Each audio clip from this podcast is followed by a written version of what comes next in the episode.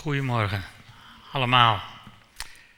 Ik wil vandaag met jullie nadenken over het thema verlangd verlangen. Dat heeft al tot de nodige schrijfverwarringen geleid. Van hoe gaan we dat schrijven?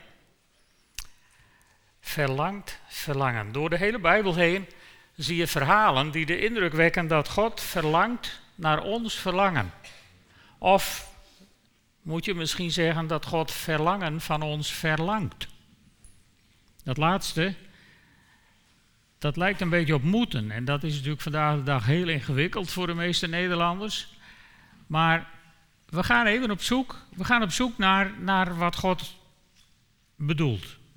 Tenminste, wat ik denk dat God bedoelt. Laat ik het bescheiden houden. Eerst even in vogelvlucht. In Jesaja 43 zegt God tegen het volk Israël: Maar jij hebt niet tot mij geroepen, Jacob. En in Jacobus 4, daar komt Jacobus daar, tenminste zo lijkt het, op terug. En dan zegt hij, je hebt niet, omdat je niet bidt. In Jesaja 7, daar wordt de profeet Jesaja boos op koning Agas, omdat hij weigert om een teken te vragen. En in 2 Koningen 13 verwijt Elisa koning Joas min of meer een gebrek aan enthousiasme in het vragen, in het verlangen, in het verwachten van de dingen van God. En in het Nieuwe Testament, daar zie je Jezus als het ware reclame maken voor aanhoudend bidden in de gelijkenis van de onrechtvaardige rechter. Misschien zouden we die wel moeten gaan noemen. De gelijkenis van de vasthoudende weduwe is volgens mij veel positiever. Waar, waar Jezus reclame maakt voor aanhoudend blijven bidden. En zelf zegt Jezus over bidden in Lucas 11, dat heeft Wilma al voorgelezen. Vraag en je zult, er zal gegeven worden. Zoek en je zult vinden. Klopt en er zal voor je worden opengedaan. Want wie vraagt, ontvangt. Wie zoekt, vindt. En wie klopt, voor wie klopt, wordt opengedaan. En de apostel Paulus schrijft ook hele interessante dingen over bidden en over vragen. In 1 Timotheus 2 roept hij op tot het doen van smeekbeden, voorbeden en dankgebeden en in 2 Timotheus 1 maakt hij duidelijk dat hij dat zelf telkens doet. En tenslotte geeft hij de gemeente in Thessalonica ook nog een aansporing om aanhoudend te bidden. Toen ik in de zesde klas van de lagere school zat, even voor de nieuwere generaties, groep 8 vandaag, had ik een schoolmeester en die zei heel vaak, s ochtends voordat we gingen bidden aan het begin van de dag. God wil gebeden zijn. Dat was een van zijn vaste uitspraken. En die zijn bij mij als, ja, als jongetje van, van 12 binnengekomen. En die zijn ergens blijven hangen. God wil gebeden zijn. En ik zie het hem elke keer als ik daaraan denk, zie ik het hem zeggen. En dat is ook de indruk die bij mij overheerst als ik, als ik het woord lees wat Sietske Rinkema uitsprak toen ze hier was op 23 juli. God wil gebeden zijn. Want bidden is een uiting van dat je iets verwacht van God. Tenminste, ik hoop dat het dat is bij jullie. En niet een doodritueel omdat het nou één keer moet. Bidden is, is een bewijs dat je iets verwacht, dat je gelooft dat God iets kan en wil gaan doen. En kennelijk wil God af en toe ook wat nieuws gaan doen. Niet altijd nieuw in de zin van nooit eerder vertoond, maar nieuw in de zin van opnieuw beginnen. Opnieuw het vuur aanwakkeren, opnieuw zijn geest laten werken. En misschien is God wel met wat nieuws begonnen, net als in de tijd van Jesaja 43. Laten we eens kijken, even naar al die verhalen die ik genoemd heb wat de Bijbel daarover te zeggen heeft. Allereerst Jesaja 43, vers 19 tot 22. Daar zegt God door de profeet Jesaja, zie, ik ga iets nieuws verrichten. Nu ontkiemt het, dus het is al bezig te ontstaan. Heb je het nog niet gemerkt? Ik baan een weg door de woestijn, ik maak rivieren in de wildernis. De wilde dieren zullen mij eer bewijzen, de jakhalzen en de struisvogels, omdat ik water schep in de woestijn en rivieren in de wildernis. Het volk dat ik heb uitgekozen laat ik drinken. Dit is het volk dat ik mij gevormd heb. Het zal mijn lof verkondigen. Maar jij hebt niet tot mij geroepen, Jacob. Je gaf je geen moeite voor mij, Israël. Je proeft in dit gedeelte als het ware Gods teleurstelling. God is iets nieuws begonnen en niemand ziet het. Kennelijk zat er ook niemand op te wachten in die tijd. Laat staan dat er om gevraagd wordt. Niemand verlangde naar nieuwe avonturen met God. En dat is niet alleen toen, we kunnen dat niet het volk Israël gewoon gemakshalve maar verwijten. Dat is volgens mij iets van alle tijden. Want hoe gauw wordt geloven niet een soort gewoonte waarin we niet direct meer verwachten dat God wat nieuws gaat doen, waarin we ons veel drukker maken om het behouden van het oude. God is een God van vernieuwing. God is een God van telkens opnieuw, misschien wel telkens opnieuw hetzelfde doen, maar telkens verrassend opnieuw. En Jacobus die komt daarop terug als hij in Jacobus 4 zegt, u verlangt naar iets, maar u krijgt het niet. Want je bent jaloers en moordlustig en bereikt je doel niet. U bekvecht en twist met elkaar. U krijgt niets omdat u niet bidt. En als u bidt, ontvangt u niets omdat u verkeerd bidt. U wilt alleen uw eigen hartstochten bevredigen.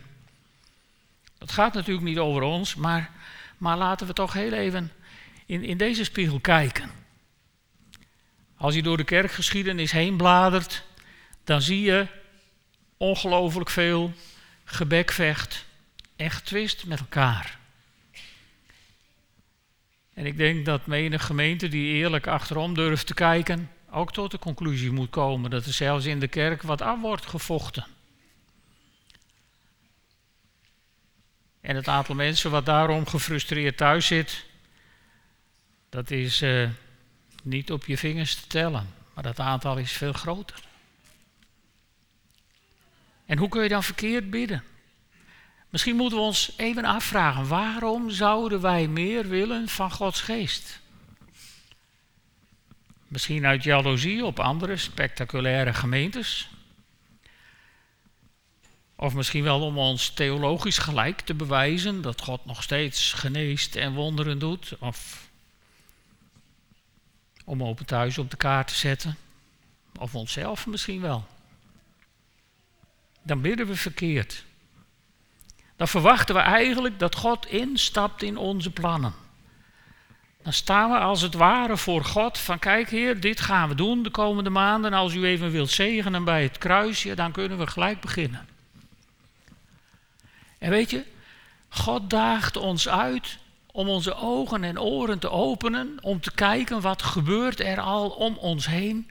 Is God misschien al begonnen om, om nieuwe dingen in beweging of oude dingen opnieuw in beweging te brengen? En dan daagt God ons uit om in te stappen in zijn plan, in plaats van andersom. En laten we God niet teleurstellen door niet te vragen. Ik heb dat verhaal ook even aangehaald. In Jesaja 7, vers 4, daar is uh, Jesaja bij koning Agas. En, en, en, dan zegt Jesaja tegen de koning, vraag om een teken van de Heere uw God. Het zij uit de diepte van het dodenrijk, het zij uit de hoge hemel. En dan zegt Agas, nee, ik, ik zal geen teken vragen. Ik zal de Heer niet op de proef stellen. Als je nou wilt weten hoe een vrome geest eruit ziet, zo. Ik wil de Heer niet op de proef stellen. Toen antwoordde Jesaja, luister, huis van David, is het niet genoeg om mensen te tergen? Moet u nu ook mijn God tergen?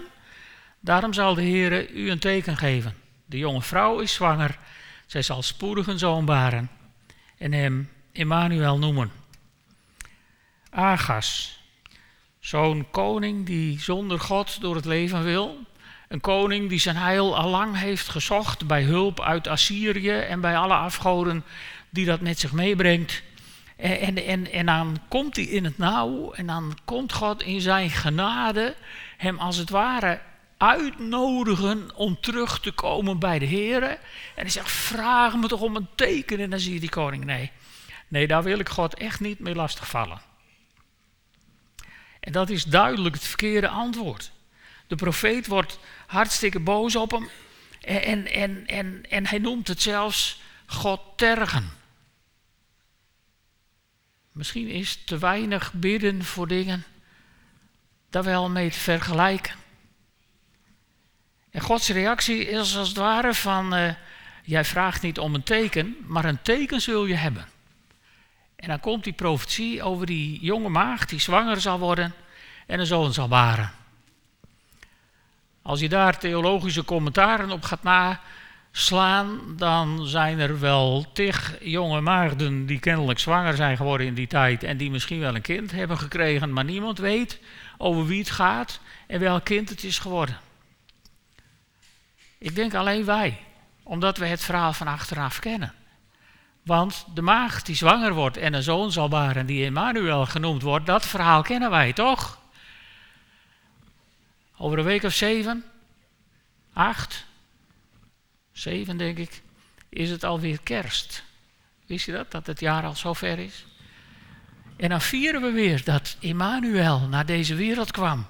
Dat het ultieme teken van God uit de hemel op deze aarde verscheen. Om ons te bemoedigen, om ons uit te dagen. Vooral ons uit te dagen, denk ik. Want in het Nieuwe Testament dan maakt deze Emmanuel als het ware reclame om aanhoudend te bidden. Het verhaal van de weduwe en de rechter.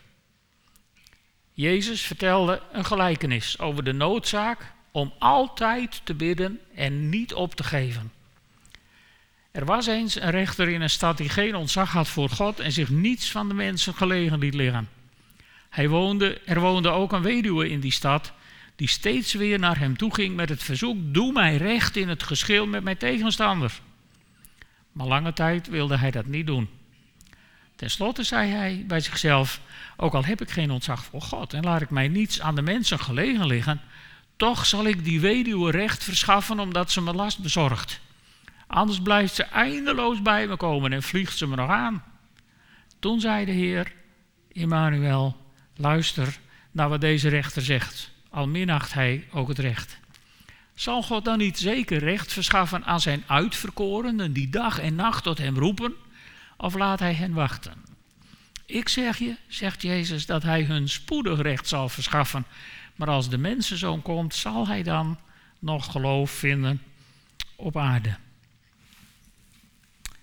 Misschien bent u ook wel opgevoed in de trant van kinderen die vragen worden overgeslagen.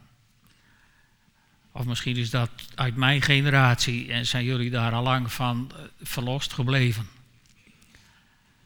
En ik weet ook nog uit mijn tijd als kind, vaker dan één keer om iets vragen, dat was helemaal een soort doodzonde. Dat werd bepaald niet gewaardeerd. Ik zie mensen knikken die dat ook herkennen.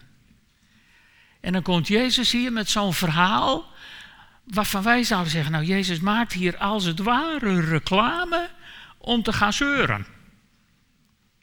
Dat is niet zo. Jezus moedigt zijn volgelingen aan om aanhoudend te bidden, om niet op te geven. En, want bidden is geloven. Het is ook hetzelfde, bijna hetzelfde woord. Bidden is geloven. Het heeft met elkaar te maken. Want als je niet gelooft, nou, dan bid je in ieder geval niet. En als je niks van God verwacht, dan weet je niet zoveel. Maar als je gelooft dat God nog steeds opnieuw dingen wil doen in mensenlevens, dan ga je toch bidden, of niet? Dan ga je toch, dan ga je toch je verlangen naar God uiten. Dan ga je God duidelijk maken hoe verschrikkelijk graag je dat wilt. En misschien moet je dan even kijken naar, naar kleine kinderen die verschrikkelijk graag iets willen. En ik oh, zo moet het. Zo hoort het. Zo hoort het. Erger je dan niet langer aan je kinderen, maar bewonder even het verlangen wat ze tentoon durven te spreiden. En ga met dat verlangen op je knieën. En ga met dat verlangen in je hart naar God. Heer, ik wil het zo verschrikkelijk graag. Dat is waar God naar verlangt. Naar een, naar een kerk, naar een gemeente die zo ongelooflijk hongerig is. Die, die zoveel dorst heeft, alsof ze een week niks te drinken hebben gehad. Dat zou God willen. Ik ben ervan overtuigd dat God daarop wacht. En daarom staan ook die prachtige verhalen in de Bijbel. In de tijd van de koningen van Israël was het enthousiasme om nog iets van God te verwachten ernstig bekoeld. Er was niet zoveel verwachting meer. Een voorbeeld daarvan is het verhaal van koning Joas. Die komt bij het sterfbed van Elisa. En ik geef toe dat het wat een apart verhaal is. Maar dat heb je als je je inlaat met het profetische. Maar toch, weet je. Jaren geleden, een, paar, ja, aantal jaren geleden. sprak ik bij de Noordermannen. Ergens in een uithoekje van Friesland. En daar komt iemand naar mij toe. En die zei: Ben jij van die Open Thuisgemeente in Drachten? Ik zei: Ja, dat ben ik. Hij zei: Dan moet ik je een verhaal vertellen. Hij vertelde: Mijn zusje woonde in Drachten, vlak bij jullie kerk. En die was helemaal klaar met God. Ze wilde graag kinderen en dat lukte niet en er was ook niks aan te doen. En ze had besloten: Ik ga nog één keer naar een kerk. En ik ga God bidden om een wonder. En anders zien ze mij nooit weer in een kerk. Op een zondag zat ze hier. En op die zondag sprak iemand een woord uit. Van ik heb je gezien. Ik weet waar je doorheen gaat. En je zult zwanger worden van een tweeling. Iedereen hier zat met kromme tenen, want dat was weer een profetie over zwanger worden. En we hadden allemaal kritiek en allemaal commentaar. En hij zei tegen me: Kijk, zei hij, hij deed zijn agenda open. Hij zei: Dit is de tweeling. En ik was ook een beetje cynisch geweest toen dat werd uitgesproken. En dan heeft God zo'n verrassing voor je. Want weet je, God wil elke keer nieuwe dingen doen. God laat niet los wat zijn hand begon. En hij begint elke keer opnieuw in mensenlevens met wonderbaarlijke dingen. En, en, en God wil een beetje enthousiasme van ons zien op soms van die merkwaardige instructies.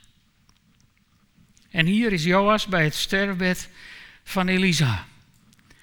En Elisa zegt: Pak uw pijlen. Je, moet, je kunt het verhaal wel lezen. Ik ga het even vertellen en een beetje demonstreren. Dus Joas die zit, die zit bij het sterrenbed van Elia. En die zit waarschijnlijk daar zo ongeveer bij van dat duurt al een half uur, duurt het nog lang. Zijn we bijna klaar? En dan zegt die profeet, sla met je pijlen op de grond. Nou, daar heb je wat aan. Hè? Als er oorlog dreigt, ja, moet je vooral met je pijlen op de grond slaan. Hey, dat is effectief. Daar schieten we wat mee op. Ja, ja, ja, ja. Dus ja, ja, ik zit hier bij die profeet. En die man die heeft altijd van die vreemde dingen. Nou ja, laat ik maar gehoorzaam zijn. Dat is ook wel genoeg zo. Hij zoekt het maar uit. En dan wordt Elisa op zijn sterfbed wit heet of rood gloeiend. Ik weet niet welke kleur hij kreeg. Maar in ieder geval, Joas die krijgt onderuit de zak. Omdat hij er wat bij hangt en niet enthousiast is. En, en niet luistert naar wat God hem zegt te doen. En het resultaat is dat hij drie keer wint en daarna voorgoed verliest.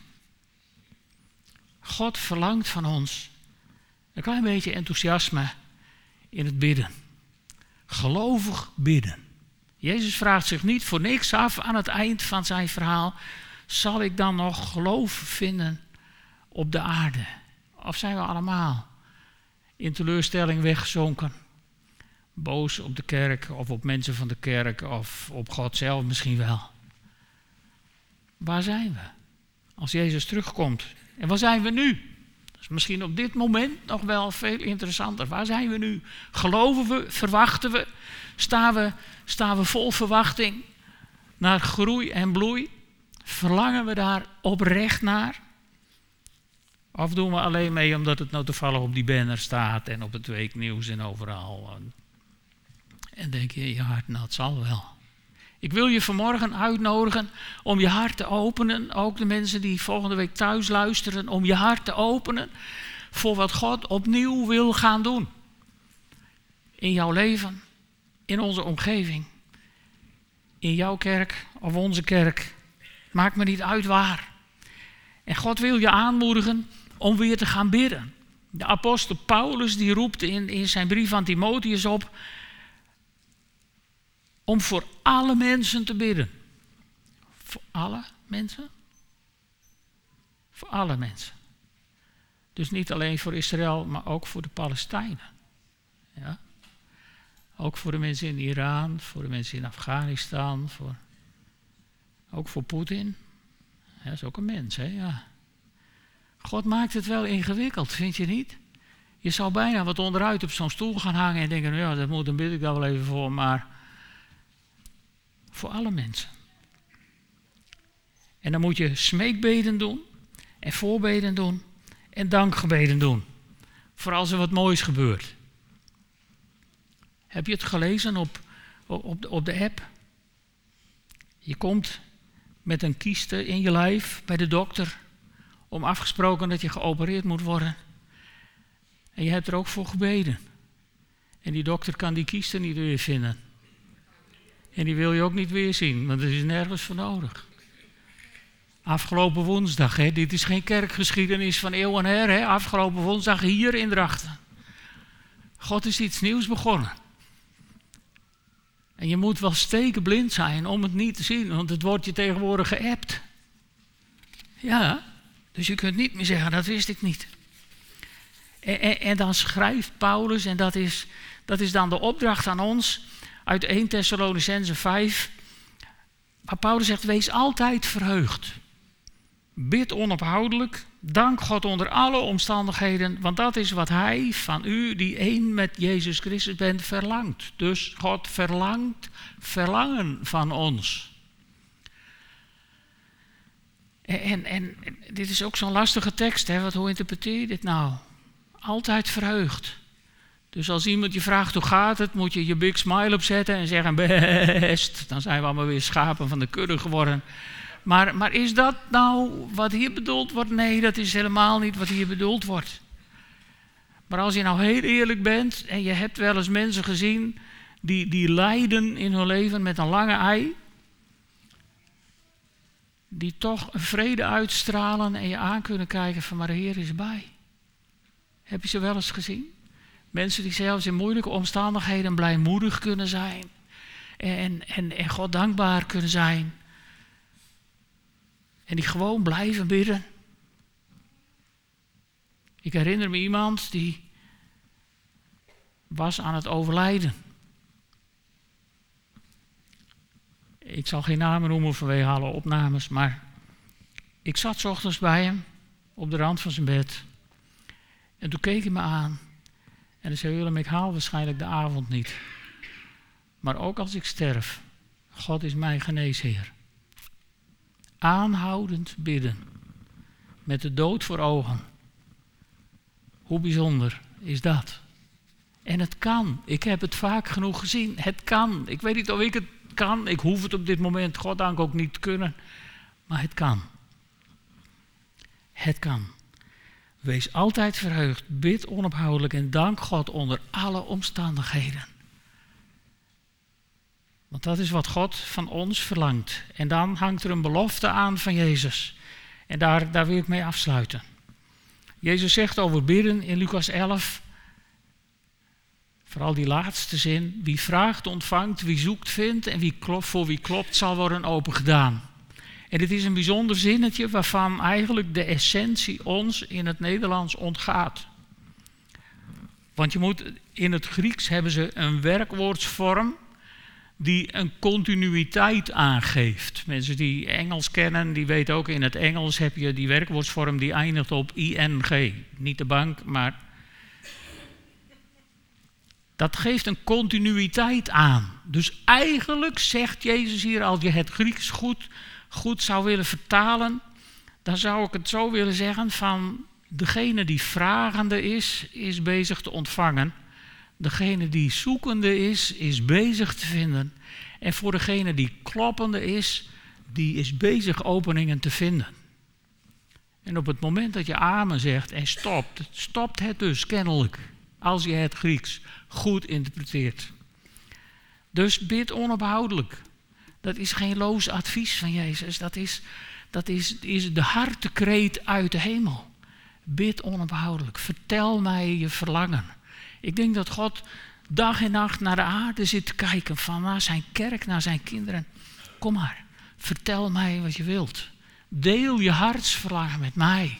Dan deel ik mijn hartsverlangen met jou. En dan gaat er wat nieuws gebeuren. En daarvan zien we, daarvan zien we allemaal een stukje. Hè? We zien allemaal een stukje.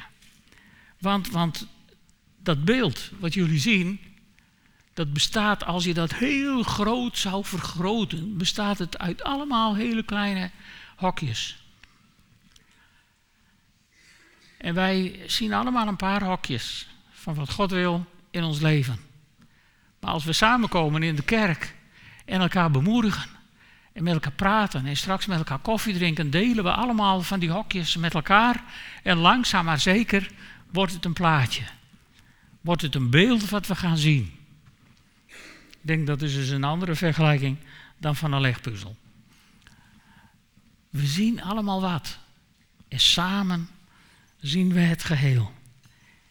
En weet je, God is bezig om oude dingen opnieuw te doen. Ik ben iets nieuws begonnen. En, en, en hoe kom ik daar nou bij? Nou, op 22 december 2018 had Jeannette van der Veen, die hier toen vaak sprak, een woord voor ons. En daar stond onder andere in dat er, een, dat er water uit een schaal naar beneden zou stromen, naar ieder van ons begonnen te stromen. En ze zei, ik geloof dat dit voor jullie een nieuw begin is en dat God jullie op het oog heeft. En op 23 juli zegt Sietske Rinkema hier in deze kerk, onder andere, opdat mijn liefde vrij kan stromen door jullie heen en mijn genade en liefde zichtbaar wordt in jullie omgeving. Bovennatuurlijk zal dat zijn, niet door eigen kracht, maar door de kracht van mijn geest. Lieve mensen, God is iets nieuws begonnen. Verlang je ernaar om daar deel van te zijn? Zullen we dan God vertellen hoe diep dat verlangen in ons zit? Mag ik jullie vragen op te staan? Dan gaan we bidden. Heere God,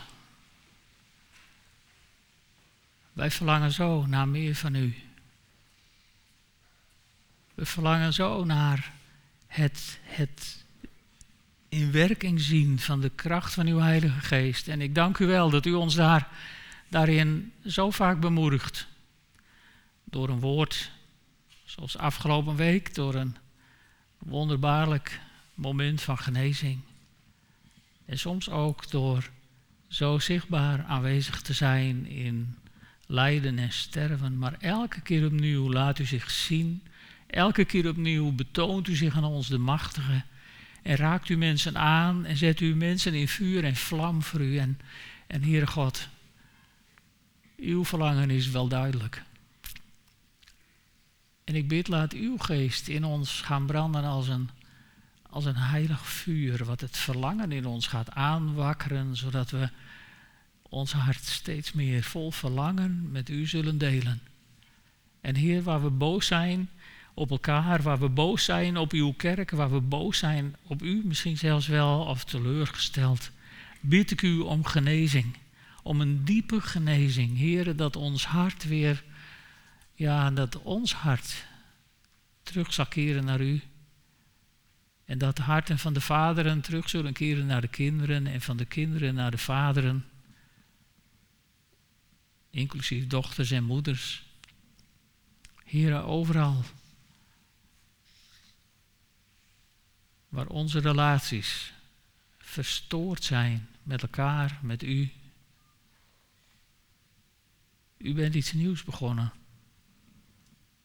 En ik bid u open onze geestelijke ogen, zodat we zullen zien waar u bezig bent, zodat het ons op zal vallen en zodat het vuur van uw verlangen over zal slaan op onze harten.